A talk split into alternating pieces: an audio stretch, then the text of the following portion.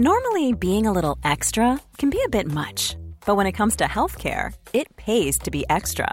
And United Healthcare makes it easy with Health Protector Guard fixed indemnity insurance plans. Underwritten by Golden Rule Insurance Company, they supplement your primary plan, helping you manage out of pocket costs without the usual requirements and restrictions like deductibles and enrollment periods. So when it comes to covering your medical bills, you can feel good about being a little extra. Visit uh1.com to find the Health Protector Guard plan for you. As a person with a very deep voice, I'm hired all the time for advertising campaigns. But a deep voice doesn't sell B2B, and advertising on the wrong platform doesn't sell B2B either. That's why, if you're a B2B marketer, you should use LinkedIn ads. LinkedIn has the targeting capabilities to help you reach the world's largest professional audience. That's right, over 70 million decision makers all in one place. All the big wigs, then medium wigs, also small wigs who are on the path to becoming big wigs. Okay, that's enough about wigs. LinkedIn ads allows you to focus on getting your B2B message to the right people. So, does that mean you should use ads on LinkedIn instead of hiring me, the man with the deepest voice in the world? Yes. Yes, it does. Get started today and see why LinkedIn is the place to be to be. We'll even give you a $100 credit on your next campaign. Go to linkedin.com slash results to claim your credit. That's linkedin.com slash results. Terms and conditions apply. Även om jag igår skrev en artikel på bloggen att eh, just nu så är jag inne i en intensiv period och jag brukar skoja om att ambitionen överstiger kompetensen, att det är så mycket jag vill göra som jag inte riktigt hinner med. Eh, så fick jag ett mail av eh, en läsare igår som skrev så här att ja, i senaste numret av Aktiespararna så, så har man liksom en del som handlar om fondsparande och pension, där de liksom mer eller mindre sågar indexsparande. Och så fick jag se den här artikeln så kände jag så här, okej, okay, jag har mycket att göra, men det där, det behöver jag verkligen så här bemöta. Och eh, artikeln Artikeln är absolut eh, eh, läsvärd, jag har den liksom här framför mig och om man skulle vara så här eh, lite, lite kritisk så handlar det egentligen om eh, eh två stycken då författarna där de argumenterar för att eh, sparandet i indexfonder är eh, liksom ökar och, eh, och att då, då, då blir det liksom så att det är liksom problem, risken med att gå i flock. Och eh, grejen är så att jag håller inte riktigt med. Och, och, det hänger väl egentligen ihop med vilken grundsyn har man eh, på sina investeringar. Att det handlar om det här som jag skrev i boken Gör ditt barn rikt, eller på bloggen i, i om man klickar på fondportföljer, är att det handlar om att ställa sig två stycken frågor. Den, den första frågan handlar om så här, kan jag förutsäga marknadens rörelser? Ja eller nej? Och sen den andra frågan att ställa sig är så här, kan jag Eh, hitta undervärderade placeringar som jag kan investera i. Och då brukar jag säga så att det finns egentligen bara fyra kombinationer av svar. Antingen så svarar man så här, ja jag kan förutsäga marknaden eh, och jag kan hitta undervärderade aktier. Och då hamnar jag i den här guru-kategorin. Eh, det är liksom de här världsmästarna typ, jag ska knappt säga att Warren Buffett är guru på det sättet, utan i princip skulle jag inte kunna nämna någon faktiskt.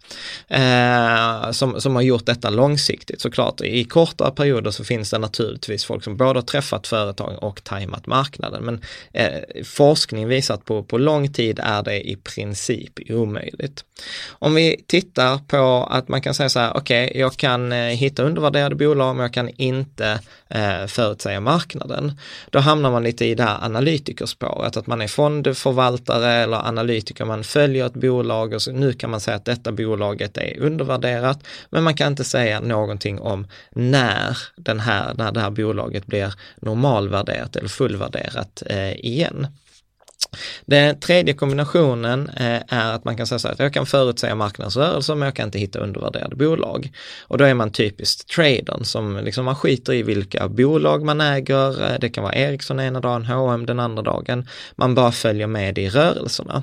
Och sen så har man det sista alternativet så här, kan jag förutsäga marknadsrörelser, kan jag hitta undervärderade bolag? Nej, nej.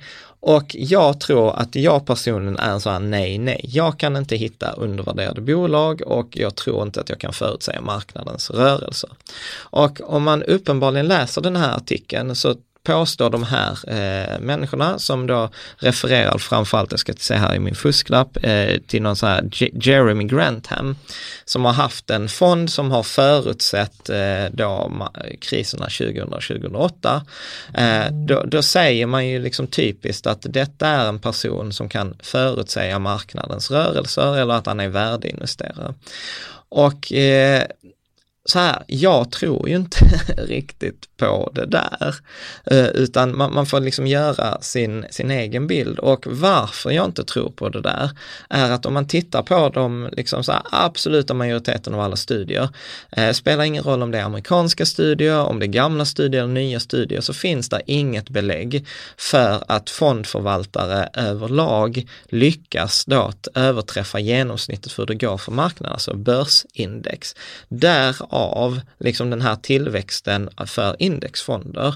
Som, eh, som liksom rationalen är så här, om man ändå inte kan förutsäga marknaden, om man ändå inte kan hitta de eh, undervärderade bolagen, varför ska jag för guds skull betala någon för att göra ett jobb som de ändå inte kommer lyckas med? Eh, och då är det ju mycket bättre att bara köpa alla bolagen så kommer man ha några bolag som kommer gå dåligt, några bolag som kommer gå bra, men som genomsnitt kommer få den samma avkastning som marknaden. Och sen 2008 så har tillväxten för indexfonder varit jättestor och jag tycker det är jättebra och det är också det här liksom som är mitt lilla korståg eh, mot, eh, mot finansbranschen. F eh, för att där finns liksom oftast inget värde man, man betalar för. Och eh, detta är liksom så, det som är klurigt med det här är att det går emot det mesta annat som vi har lärt oss.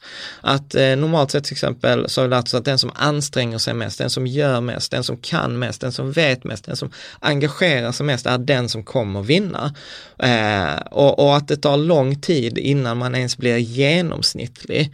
Alltså om jag skulle börja spela tennis, jag är skitdålig på racketsporter, men det skulle ta mig ganska många år innan man skulle kunna säga så här, ja nu är du en genomsnittlig tennisspelare, du är liksom så här, du är bättre än hälften och du är sämre än hälften.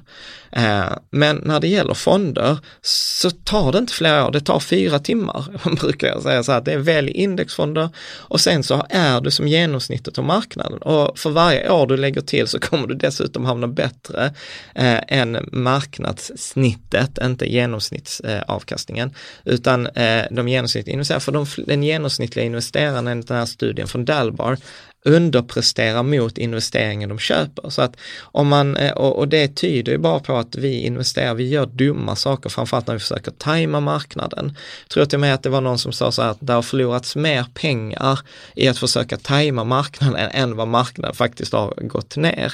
Vilket också är en sån här eh, grej som är lite crazy.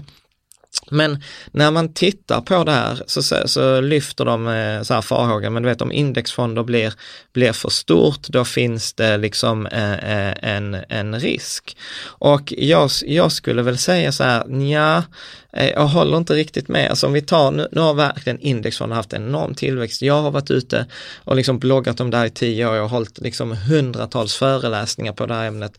Jag har skrivit böcker på det och, och, och liksom varenda liksom tips i varenda podd så pratar man om så här, spara regelbundet, spara i fonder med låg avgift under 0,4 procent, gärna globala indexfonder. Och trots allt detta, trots all den här dåliga historiken som de aktiva förvaltare har.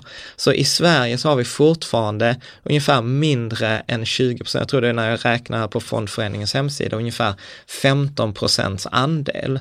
Eh, tittar vi i USA där, där liksom att eh, de här författarna skrev så här, Vanguard, den största indexfondbolaget, har haft ett rekordår nu, nu förvaltar de över 4 000 miljarder dollar eh, etc. Men tittar man på siffrorna så är det fortfarande mindre än 15 procents eh, marknadsandel för indexfonderna även i USA. Tittar man på det globalt så är, är andelen sparande i indexfonder mindre än 5% Så att det är fortfarande väldigt, väldigt låga andelar. Och tittar man då ännu viktigare på kanske som är det som kallas för transaktionsvolym, alltså hur mycket handlas det, så är ju den ännu lägre. För att indexfonder, så vi som sparar indexfonder, vi tenderar ju inte byta eller trada med de här indexfonderna, utan vi köper dem och så behåller vi dem.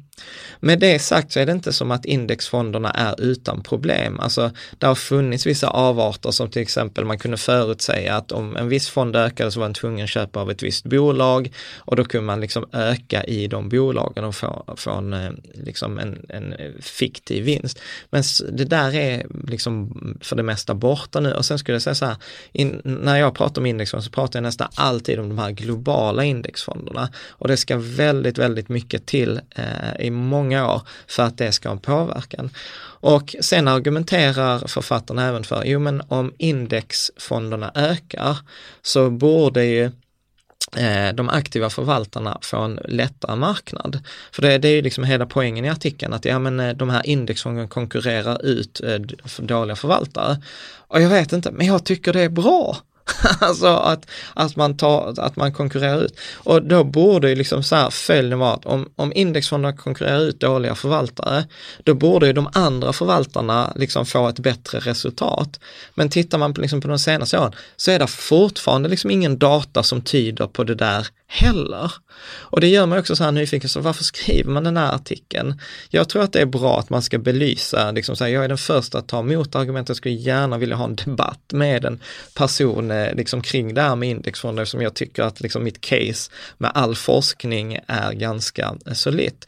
Men då, då kommer vi egentligen tillbaka till en av de här artiklarna, till exempel krönikorna som jag skrev på Nordnet, som handlade om att eh, liksom investerar du för att ha roligt eller investerar du för att tjäna pengar? Jag personligen tror ju eh, att, att liksom så här, sparar man pengar så ska det vara så tråkigt som man somnar eller liksom så här, se målarfärg torka. För att när vi börjar tycka att det är roligt, då börjar vi blanda in känslor och blandar vi in känslor, då brukar det gå åt skogen eftersom vi är inte rationella varelser. Eh, utan vi tenderar liksom att eh, liksom ta fel beslut känslomässigt. Det finns en jättebra bok på det här av Daniel Kahneman som heter Tänka snabbt, tänka eh, långsamt, som tar upp det här, man, liksom så här, man läser boken boken, man fattar att man kommer att bli lurad, man försöker anse sig om man blir lurad i alla fall.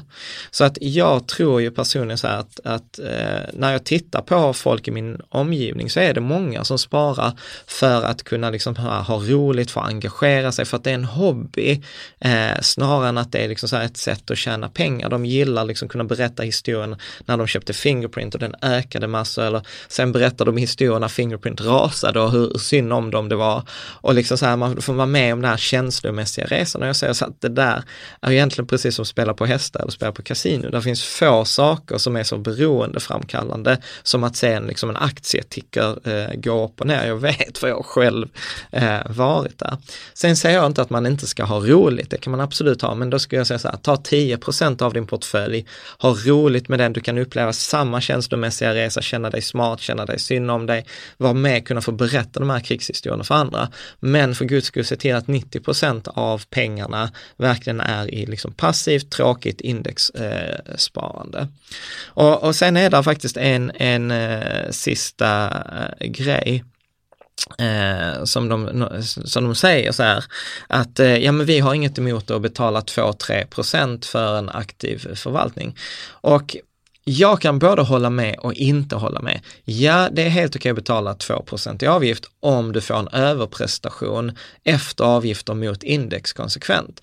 Men där finns ju inget stöd för det här. Återigen, ta för 10-15 år sedan så var det ett fondbolag som hette Skagen som var fantastiska. De hade de här kanske hört talas om Skagen Global, Skagen Kontiki eh, och, och det gick skitbra, de var verkligen hyllade. Men senaste åren har gått skitdåligt. Men Deras fonder är inte bättre än någon annans fond. Och då kan jag också vara så här, ja men tänk om det bara var så att de hade tur, vilket forskningen och statistiken visar, man kan inte utesluta faktorn tur. Men det kan också vara så här att de hade en gynnsam miljö. Eh, räntorna var relativt höga, inflationen var på en viss nivå, eh, det fanns eh, liksom vissa tillgängliga, men nu finns det inte det. Så att eh, då brukar jag säga så här att, ja men då, det är, alltså lägga 2-3 procent är väldigt mycket. Jag, jag slog faktiskt detta i min eh, fondjämförelse på kalkylator på bloggen. Där jag jämför en fond på, eh, på 30 års sikt, jämför jag 8% i genomsnitt som jag tycker det är rimlig börsavkastning. 100 000 kronor så jämför jag en fond med 2,5% i avgift och en fond som har 0,3% Man skulle till och med kunna ta 0,2 eller 0. Men då pratar vi alltså om på 30 års sikt så har fond eh, A Eh, och fond B ökat, alltså nu pratar vi att de har samma avkastning. Fond A den med 2,3, eh, vad sa jag, 2,5 procents avgift. Då är avkastningen 470 000, alltså på 100 000 så har den ökat till 470. Det är väl jättebra. Skulle liksom en bank eller vem som helst säga, det är nästan fem gånger pengarna. Men jämför 8% i en fond med 0,3 eh, avgift, då pratar vi 920 000, alltså 9,2 gånger pengarna. Det är alltså mer än dubbelt så mycket pengar som du får behålla för att avgiften är 2% lägre. För då tänker man så här, men 2 spelar väl ingen roll om det är 2,5 eller 0,3, 2,2 skillnad. Jo, det pratar vi pratar nästan att du får 100% mer i avkastning någonting. Alltså avgiften i det ena fallet är 288 000, i det andra fallet så är den 35 000 kronor.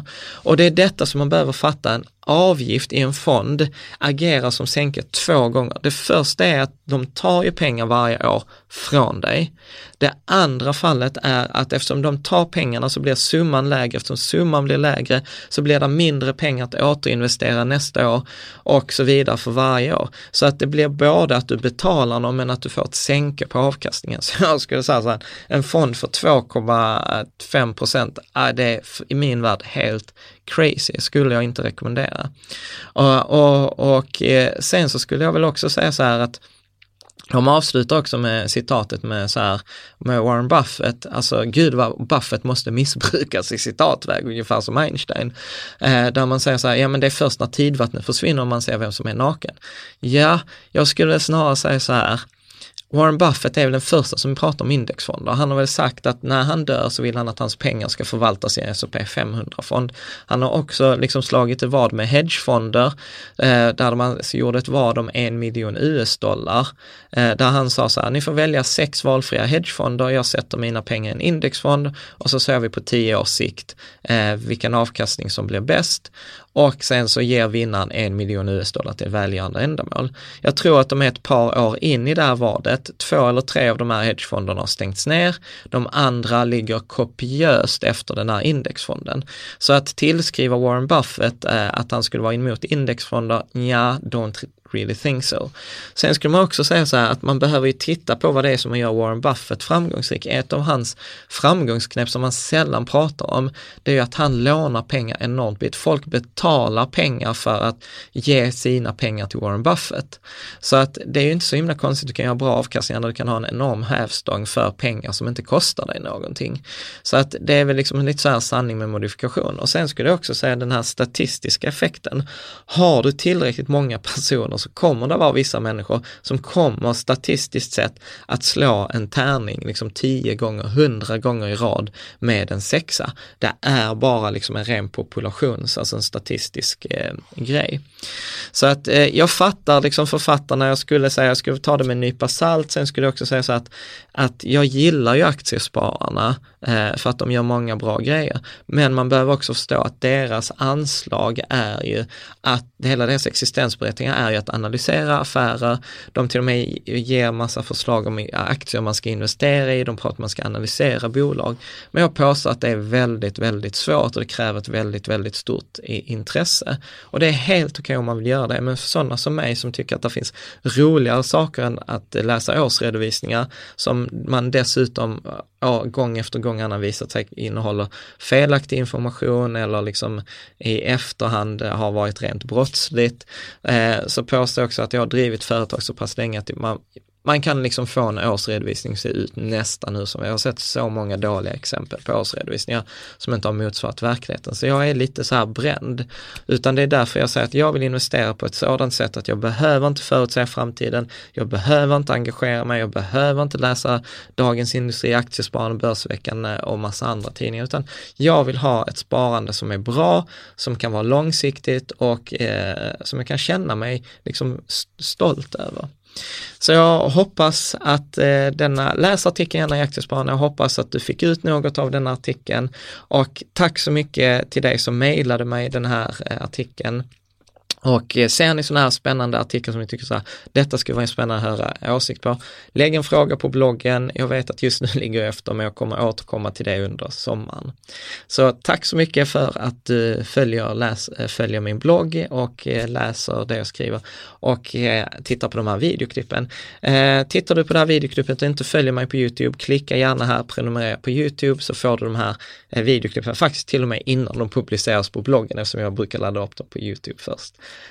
Tack så mycket, ha en fantastisk sommar och så hörs vi om ett par dagar igen när jag faktiskt är hemma från Afrika. För nu ska jag ner till Afrika ett par dagar, eh, filma, ta bilder och undersöka här med Better Globe, eh, få liksom ny uppdatering. Jag ska faktiskt även titta på ett eh, Trine som är ett projekt med solpaneler som jag tycker verkar väldigt spännande, som handlar i det här eh, arean av impact investing, att liksom samtidigt som man investerar sina pengar så kan man faktiskt bidra med att göra gott. Tack så mycket, på återseende.